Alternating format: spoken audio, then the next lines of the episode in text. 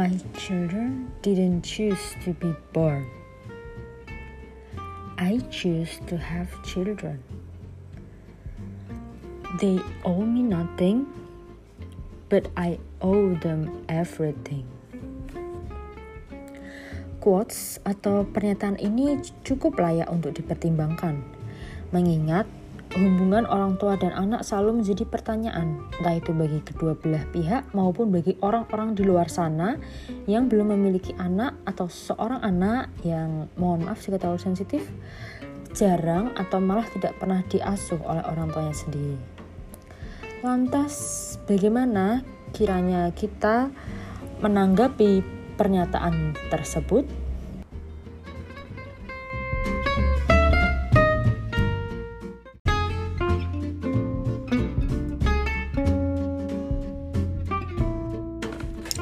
Halo semuanya, kembali lagi di Lavanya Podcast bersama aku Lauren. Lavanya Love, Respect, Believe. Nah, berbicara tentang anak dan orang tua, seakan tidak ada habisnya ya. Apalagi secara spesifik ketika kita membicarakan tentang hubungan antara anak dan orang tua atau kedudukan antara anak dan orang tua tuh gimana gitu. Nah, untuk episode ke-59 kali ini aku Lauren akan mencoba mengulik-ngulik tentang hubungan orang tua dan anak serta uh, kedudukan mereka nih gitu antara satu sama lain ya um, berbicara tentang orang tua dan anak di masa sekarang ini emang apa ya kayak nggak ada habisnya ya gitu. Beda sama di zaman dulu mungkin. Uh, maksudnya zaman orang tua kita ya yang dulu. Jadi mereka lebih kayak oh ya udah aku sebagai anak aku harus begini begini begini gitu. Aku sebagai orang tua harus begini begini begini. Sedangkan di masa sekarang tuh semuanya udah lebih maju baik dari teknologi maupun pemikiran juga ya kan? Kita dapat banyak banget informasi yang beredar gitu. Nah informasi ini menurutku juga um, secara nggak langsung membuat apa ya tiap individu tuh memiliki mungkin pertanyaan gitu dalam dirinya gitu. Informasi apa atau pertanyaan seperti apa? Ya karena kita lagi membahas tentang orang tua dan anak ya jadi informasi tentang orang tua dan anak atau pertanyaan tentang orang tua dan anak itu sendiri. Yang mungkin kebanyakan itu bisa dikategorikan ke dalam bidang uh, psikologi gitu. Nah, informasi ini tuh juga menurut aku um, yang tak maksud ya bukan hanya informasi yang kayak deskriptif gitu loh atau menjelaskan misalnya oh orang tua tuh harus bertindak A atau B ketika anaknya melakukan sesuatu atau ketika ada masalah dan lain sebagainya atau misal informasi seperti um, seorang anak tuh harusnya gimana sih gitu menjadi anak yang baik yang tidak durhaka. Kita harusnya melakukan apa gitu? Atau apa sih kewajiban dan hak seorang anak maupun orang tua? Nah informasinya tuh menurut aku bukan sekedar itu aja gitu, tapi juga informasi yang lebih deep gitu. Deep maksudnya tuh kayak um, lebih philosophical gitu ya. Kayak misalnya uh, contoh dari quotes tadi aja yang aku bacain di opening. Itu kan itu termasuk deep gitu loh. Secara nggak langsung orang kalau mendengar pernyataan itu gitu pasti dia kayak ya ada sesuatu yang menggugah jiwanya gitu kan. Kok gini ya? Yang bener gimana gitu? Deep karena pertanyaan-pertanyaan atau pernyataan-pernyataan yang ada itu harus dijawab dengan suatu refleksi gitu. Dengan wawasan yang luas dan jawabannya itu bukan sekedar jawaban hafalan atau sekedar A dan B jawaban deskriptif yang kayak yang udah jelas gitu loh. Kayak misalnya 2 tambah 2 berapa? 4 gitu. Ya nggak segampang itu atau nggak sesimpel ketika kita bilang uh, ketika kita jawab pertanyaan yang jawabannya cuma yes or no jadi emang uh, jawabannya itu sungguh sungguh uh, diperhitungkan banget gitu direfleksikan banget. Dan pada akhirnya jawabannya ya uh, kompleks gitu. Kompleks banget lah. Kompleks ya berarti nggak simpel kan gitu. Nah salah satu pertanyaan deep yang aku dapatkan itu ya seperti yang sudah aku sebutkan dalam opening episode kali ini. Um, jadi itu termasuk pernyataan atau quotes yang aku lihat cukup sering ya berseliweran di beberapa sosial media aku, di akun sosial media aku seperti Instagram atau Twitter gitu dan itu yang jadi salah satu apa ya alasan kenapa aku buat podcast ini gitu. Nah, quotes dalam bahasa Indonesia sendiri tuh kurang lebih seperti ini anakku tidak memilih untuk dilahirkan, tapi aku yang memilih untuk mempunyai anak. Sehingga mereka tidak berhutang apa pun kepada aku, tetapi aku berhutang segalanya bagi mereka. Wow. Aku ngebaca ini jadi kayak uh, wow gitu loh. Meskipun aku belum punya anak ya masih jauh banget, tapi aku sebagai anak aja aku kayak mikir kayak um, gimana ya gitu kayak ya secara nggak langsung ini kan termasuk kategori pertanyaan yang filosofis kan yang deep karena jawabannya tuh bisa banyak gitu. Subjektif banget tergantung tiap orang dan gak ada jawaban yang bener bener bener bener atau benar-benar salah gitu. Jadi ya ya you know jawaban seperti itu cukup kompleks. Nah, tang tanggapan teman-teman sendiri gimana gitu kalau mendengar kalimat itu atau melihat gambar yang tulisannya kalimat itu? Tentu cukup apa ya menggugah jiwa kita enggak sih? Kayak penasaran atau bertanya-tanya gitu. Oh, ada bahas utang-utang segala atau gimana? Jadinya gimana nih yang utang? Uh, siapa yang utang ini? Gimana? Apa yang harus kita lakukan gitu sebagai anak gitu? Atau mungkin uh, yang mendengarkan podcast ini juga ada yang sudah menjadi orang tua atau gimana lah yang pokoknya merasa dia kayak punya kewajiban sebagai orang tua di keluarga mereka mungkin kalian juga bisa berpikir uh, gimana nih? Aku peranku bagi orang tua gimana nih? Gitu. Berarti anak aku nggak ngutang nih sama aku gitu kan? Jadi kayak pertanyaannya tuh kayak ya deep gitu menggugah banget gitu. Oke okay, um, aku akan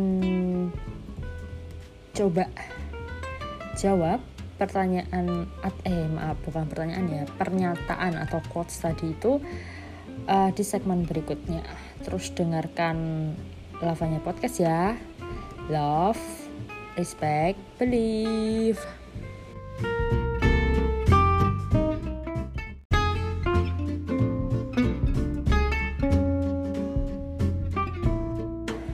Halo semuanya, kembali lagi di segmen berikutnya. di Lavanya Podcast Love, Respect, Believe bersama aku Lauren. Nah, sebenarnya balik lagi seperti yang udah aku jelasin sebelumnya bahwa untuk menjawab pertanyaan itu um, atau pernyataan itulah tentang kedudukan orang tua dan lain sebagainya. Dari satu kalimat quotes tadi ya yang menggugah tadi ya itu nggak segampang itu bro. Melainkan kita emang perlu jawaban yang cukup beragam. Dilihat dari perspektif yang beraneka ragam juga supaya kita bisa mendapatkan jawaban yang bisa mencakup semuanya. Ya oke okay lah mungkin nggak bisa mencakup semuanya mungkin kita punya perspektif masing-masing tapi at least um, jawaban kita itu punya apa ya stand position yang kuat gitu loh. Oke. Okay. Jadi langsung aja aku di sini mau memberikan jawaban berdasarkan dua perspektif. Yang pertama itu adalah perspektif dari sudut pandang ideologi liberal. Dan satu lagi dari sudut pandang uh, konservatif. Gitu bisa sebenarnya bisa sih dikatakan uh, sudut pandang pemikiran barat dan timur. Bisa. Yang mana hmm, uh, sudut pandang liberal atau sudut pandang dari ideologi liberal itu cenderung dianggap seperti pemikiran barat dan sudut pandang konservatif itu cenderung dianggap sebagai pemikiran timur atau ada timur. Tapi kayaknya aku bakal lebih milih uh, menggunakan term liberal atau konservatif meskipun iya gitu bener kalau barat cenderung um, lebih dekatnya sama ideologi liberal dan timur lebih dekatnya sama ideologi konservatif. Tapi kayaknya kayak kurang enak aja sih menurut aku barat dan timur. Maksudnya itu kan term secara apa ya wilayah kan gitu. Oke term pemikiran juga bisa tapi kak kita dengerin kata barat di barat di timur kan jadi kayak itu tuh wilayah gitu. Padahal um, balik lagi mungkin semua orang yang notabene tinggal di barat eh, nggak uh, mesti pemikirannya kayak pemikiran barat gitu. Iya kan dan nggak semua orang tinggal di timur uh, pemikirannya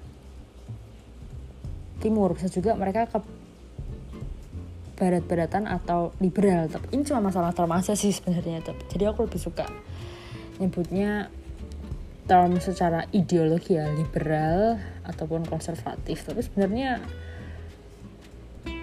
um, untuk term barat dan timur aku ya itu tadi kayak jadi secara nggak langsung semua orang yang tinggal di barat tuh pemikirannya barat semua. Enggak gitu. Tapi kan kalau kita nyebutnya liberal dan konservatif gitu lebih luas aja gitu. Liberal mungkin liberal bisa juga dia liberal tapi tinggalnya di kawasan timur di kawasan Asia dan lain sebagainya. Gitu ya.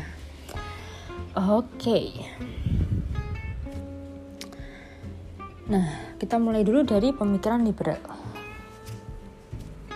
Untuk sudut pandang liberal masih berkaitan erat dengan uh, pemikiran khas liberal. Jelas dong namanya aja sudut pandang liberal, liberal gitu loh. Untuk pemikiran liberal sendiri, sendiri mereka percaya bahwa setiap orang tuh mempunyai kebebasan kebebasan untuk melakukan sesuai apa yang mereka kehendaki. Tapi kebebasan ini tentu saja juga harus bertanggung jawab ya. Dalam artian tidak mengganggu orang lain. Nah, kaitannya dengan ini setiap orang cenderung bebas gitu kok kalau um, menurut pemikiran liberal ya. Ingin punya anak atau tidak. Yang mana misal nih, aku suatu saat memutuskan untuk tidak punya anak. Atau mungkin aku mau adopsi dan lain sebagainya.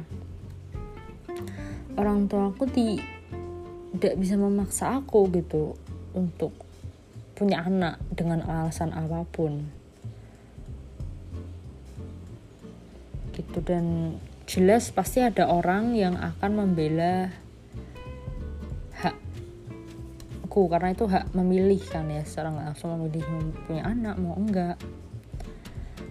Dan gimana ya aku nggak bisa juga dicap sebagai anak yang durhaka dan lain sebagainya karena tidak menuruti perkataan orang tua ya. Karena itu tadi mereka sangat menjunjung tinggi kebebasan individu yang bertanggung jawab. Kaitannya dengan quotes tadi yang bilang bahwa um, anak aku tidak minta dilahirkan. Aku yang memilih untuk mempunyai anak. Terus mereka tidak berhutang apa pun kepadaku tapi aku yang punya utang sebenarnya sama mereka dan lain sebagainya. Um, kurang lebih bisa dikatakan sesuai dengan pemikiran liberal karena itu tadi mereka punya kebebasan tuh. Mempunyai untuk mempunyai anak atau tidak itu aja udah sebuah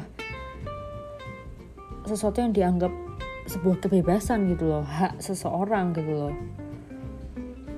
Jadi ketika mereka ingin punya anak ya berarti mereka memang harus bertanggung jawab penuh atas anak-anak mereka bahkan mungkin mereka merasa ya anak mereka nanti di masa depan gak ada tanggungan gitu loh untuk bergantian menjaga mereka atau uh, istilahnya mungkin balas budi gitu. Itu tadi dilihat dari sisi orang tua ya. Kalau dari anak sih gimana ya? Jujur aku nggak nggak dibesarkan dalam um, lingkungan yang liberal liberal gitu. Maksudnya ya mungkin in between lah ya. Kita rata-rata kayak tetap ada musyawarah dalam rumah tapi kayak aku masih nggak nggak tahu gimana menanggapi itu menanggapi quotes atau pernyataan itu dari sudut pandang anak yang diasuh dengan pola pikir liberal gitu.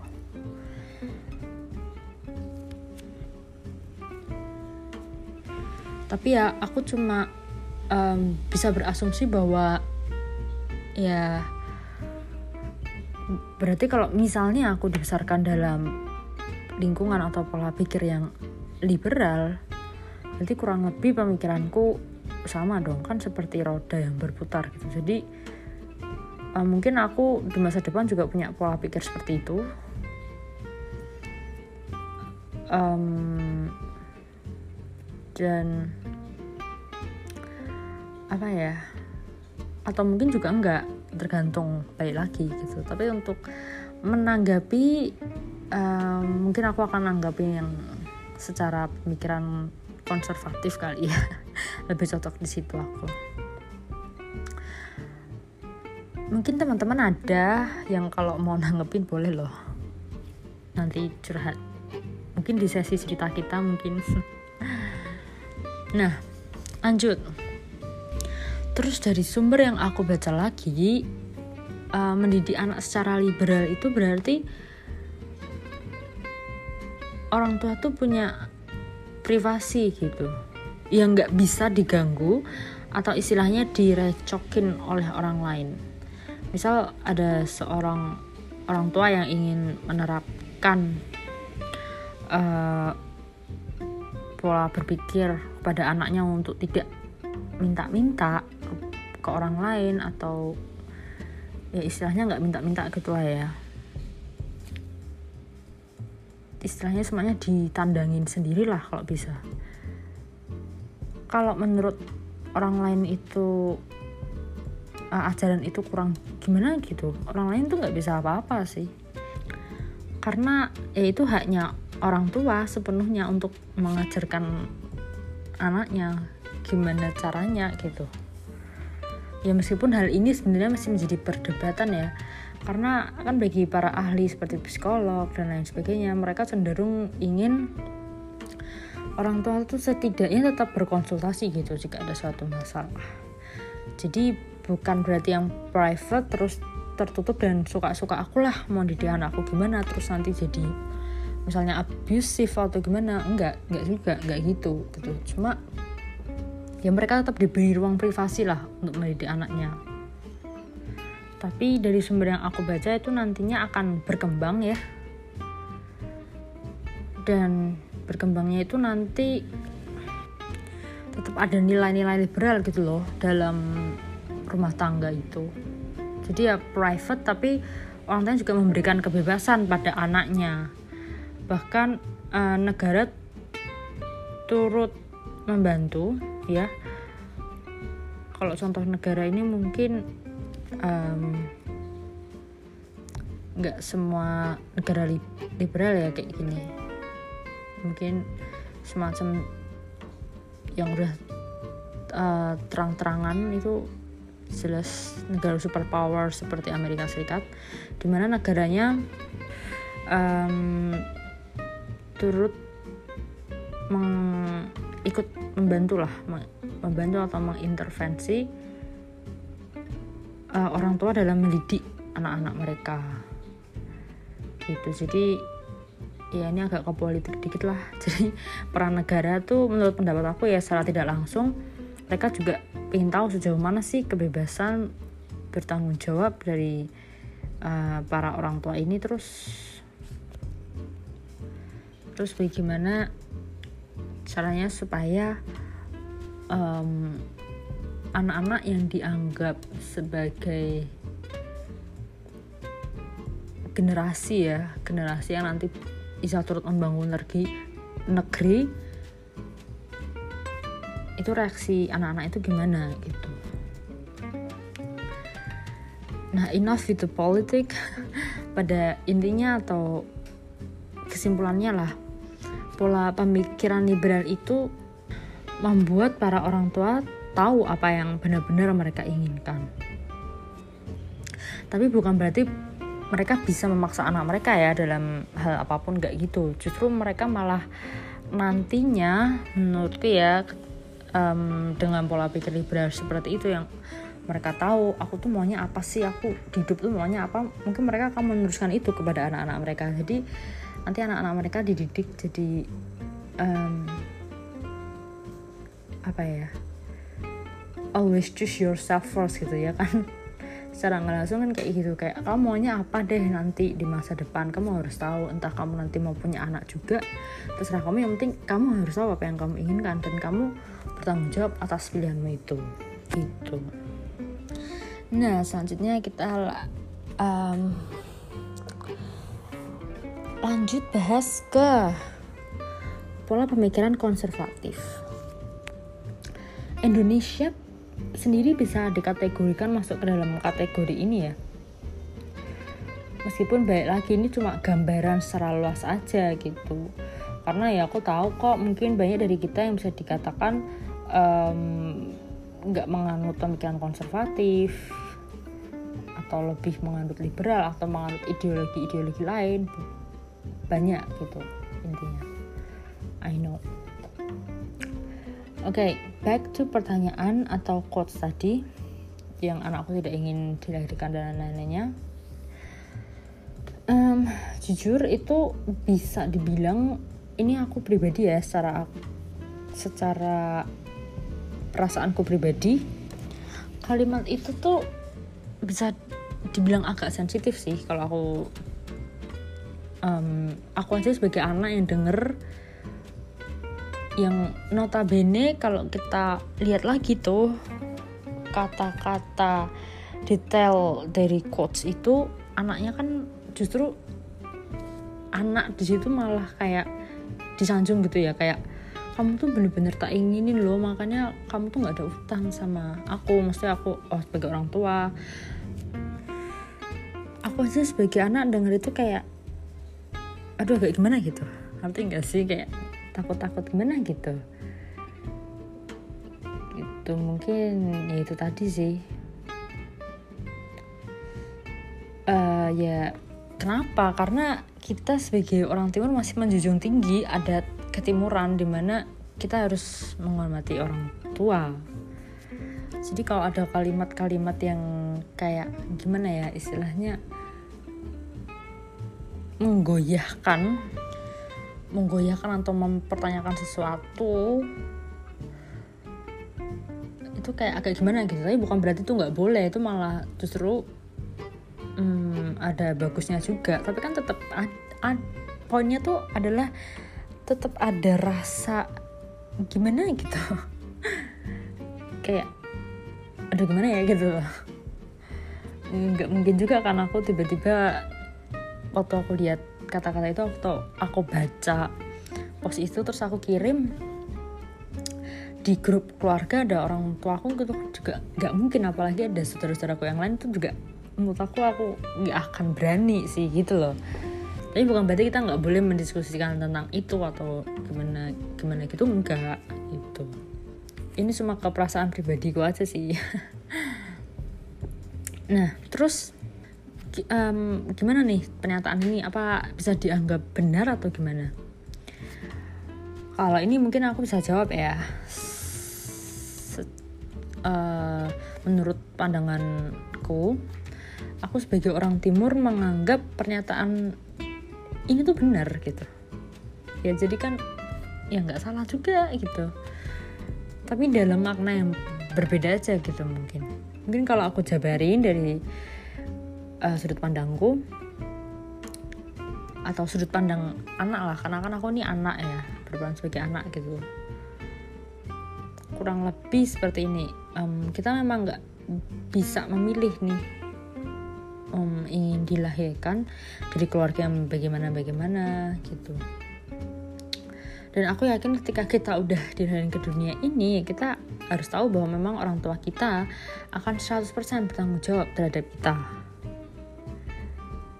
dan kita pun juga harus berterima kasih gitu kepada mereka karena ya ya itu tadi gitu. Ibaratnya aku mikirnya orang tua udah terutama ibu udah melahirkan kita susah payah. Waktu kita masih bayi kita nggak tahu apa apa mereka mengurus kita dan lain sebagainya gitu. Jadi apakah jawabanku bertentangan dengan um, pola pikir liberal? Hmm, I don't think so sih gitu. Sudah bukan menjadi rahasia umum lagi ya bahwa um, pemikiran konservatif atau mungkin lebih cocok kalau kita nyebutnya ada timur lah ya. Labil kan jadinya padahal dia nggak menyebut timur dan barat sorry. Ada timur um, ya atau bisa dibilang konservatif lah ya masuknya dibanding liberal itu sangat menjunjung tinggi leluhur atau nenek moyang mereka gitu. Nah, itu berimbas kepada pola pengasuhan orang tua ke anak dan hubungan antara anak dan orang tua. Kita selalu diajarkan bahwa um, kita harus memperlakukan orang yang lebih tua dengan lebih sopan, lebih hormat, dan lain sebagainya. Dan inilah yang sangat membedakan uh, pola pemikiran konservatif dengan pola pemikiran liberal atau ya let's say kebanyakan pemikiran orang barat gitu. Ditambah lagi sebagian dari adat itu sifatnya tuh kolektif gitu jadi kita apa-apa lebih baik bersama atau diselesaikan secara kekeluargaan lah ya istilahnya atau ini tuh harus pikiran kita nggak cuma ke diri kita aja tapi juga ke orang-orang sekitar kita terutama keluarga. Misal nih kita mau ambil suatu keputusan. Oke lah kita pertimbangkan diri kita dulu. Bisa nggak kita menghadapi resikonya dan lain-lain tapi pada akhirnya mau nggak mau tetap ada peran orang tua dan keluarga kita di situ. Sehingga nggak jarang kita berpikir kalau aku ambil keputusan ini apa ya kata keluarga dan lain-lain gitu. Dan tentunya ini ada sisi positif dan negatifnya. Jadi, kalau disimpulkan kurang lebih pemikiran konservatif itu sangat menghormati leluhur atau orang yang lebih tua dan cenderung bersifat kolektif atau bisa dikatakan uh, rasa bersamaan itu tinggi gitu. Apakah liberal tidak seperti itu? Ya belum tentu. Ini kan aku cuma berbicara sesuatu yang menonjol aja gitu dari pemikiran konservatif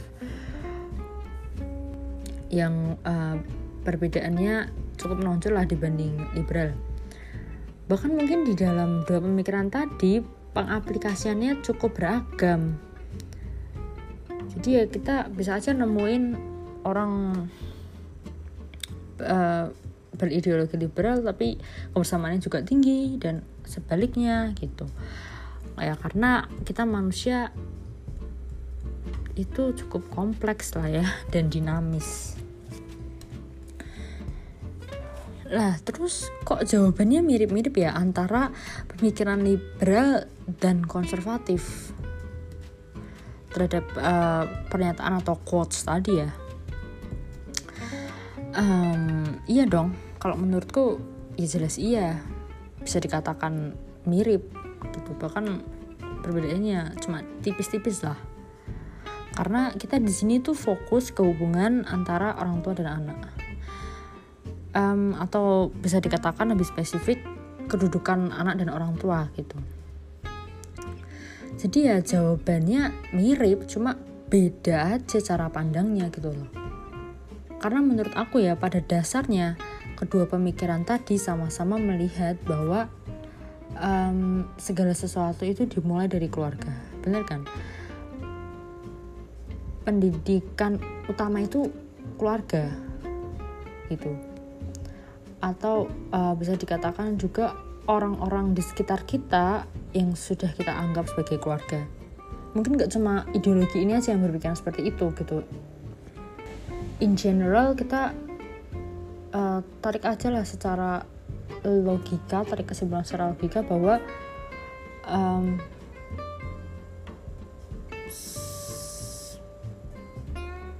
apa ya pendidikan utama itu pasti dari keluarga.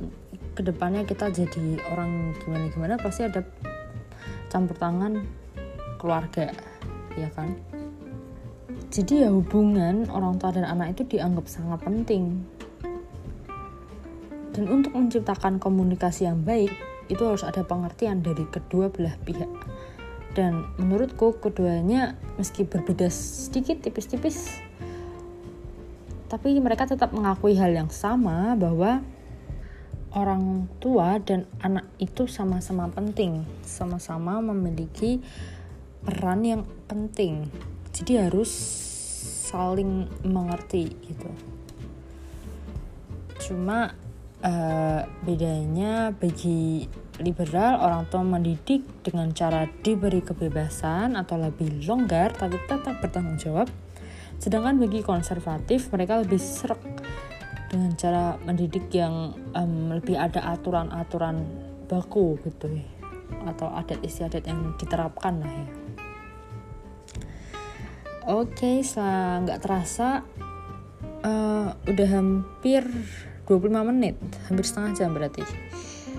Kita um, berbicara mengenai anak sebagai titipan Tuhan yang bermula dari quotes menggugah jiwa itu tadi Oke, okay. jadi aku akan coba simpulkan di segmen berikutnya. Jadi um, dengerin terus ya podcast kali ini di Lavanya Podcast Love, Respect, Believe.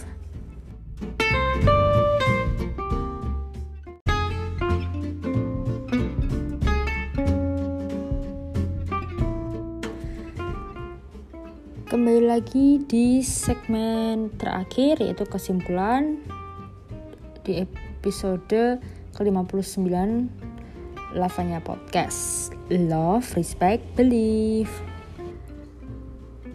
Oke, okay, jadi menurut aku pribadi ya Salah satu kesimpulan yang bisa didapat adalah ke pertama ketika seseorang dididik dalam pola pikir tertentu yang mana kita ambil aja contoh dari dua ideologi yang udah kita bicarain sebelumnya.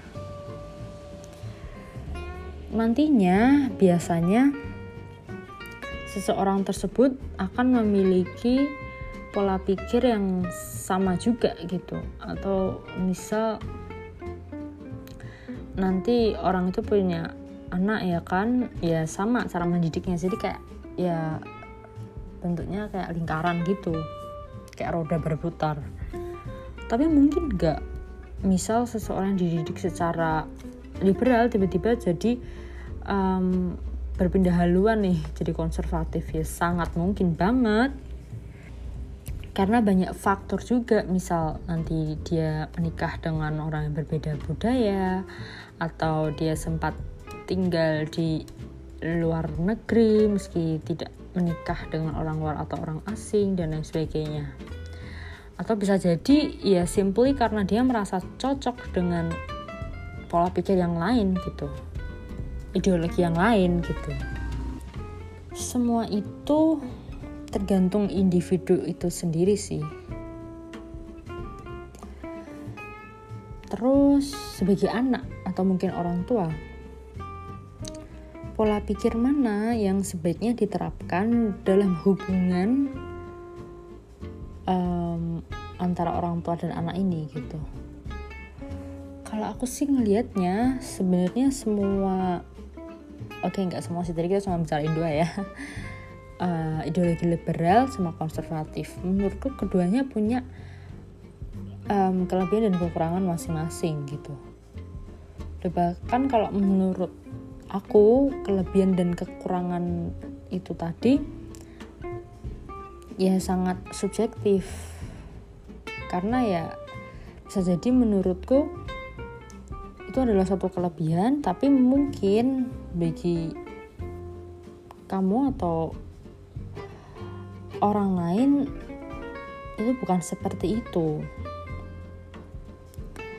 Jadi kembali lagi aja ke preferensi tiap-tiap orang? Atau kalau mau lebih lebih apa ya lebih baiknya sih ya itu tadi kayak ambil yang baik bu buang yang buruk. Tapi ya again itu kan subjektif juga kan. Yang jelas dalam suatu hubungan orang tua dan anak harus ada komunikasi yang baik dan jelas. Kita juga misal nih aku sebagai anak ya aku harus tahu kewajiban dan hakku itu apa. Orang tua juga begitu. Dan yang paling penting tetap menghormati uh, satu sama lain sesuai dengan caranya masing-masing. Wah nggak terasa sampai di sini dulu podcast uh, ke-59 kali ini. Mohon maaf banget nih jika aku ada salah kata. Mostly karena apa yang ku katakan hari ini kebanyakan tuh pendapat pribadi gitu loh. Kayak disclaimer gitu. Um, dan aku tahu pasti nggak segampang itu juga sih menjabarkan pola pikir liberal dan konservatif dalam mengasuh anak ya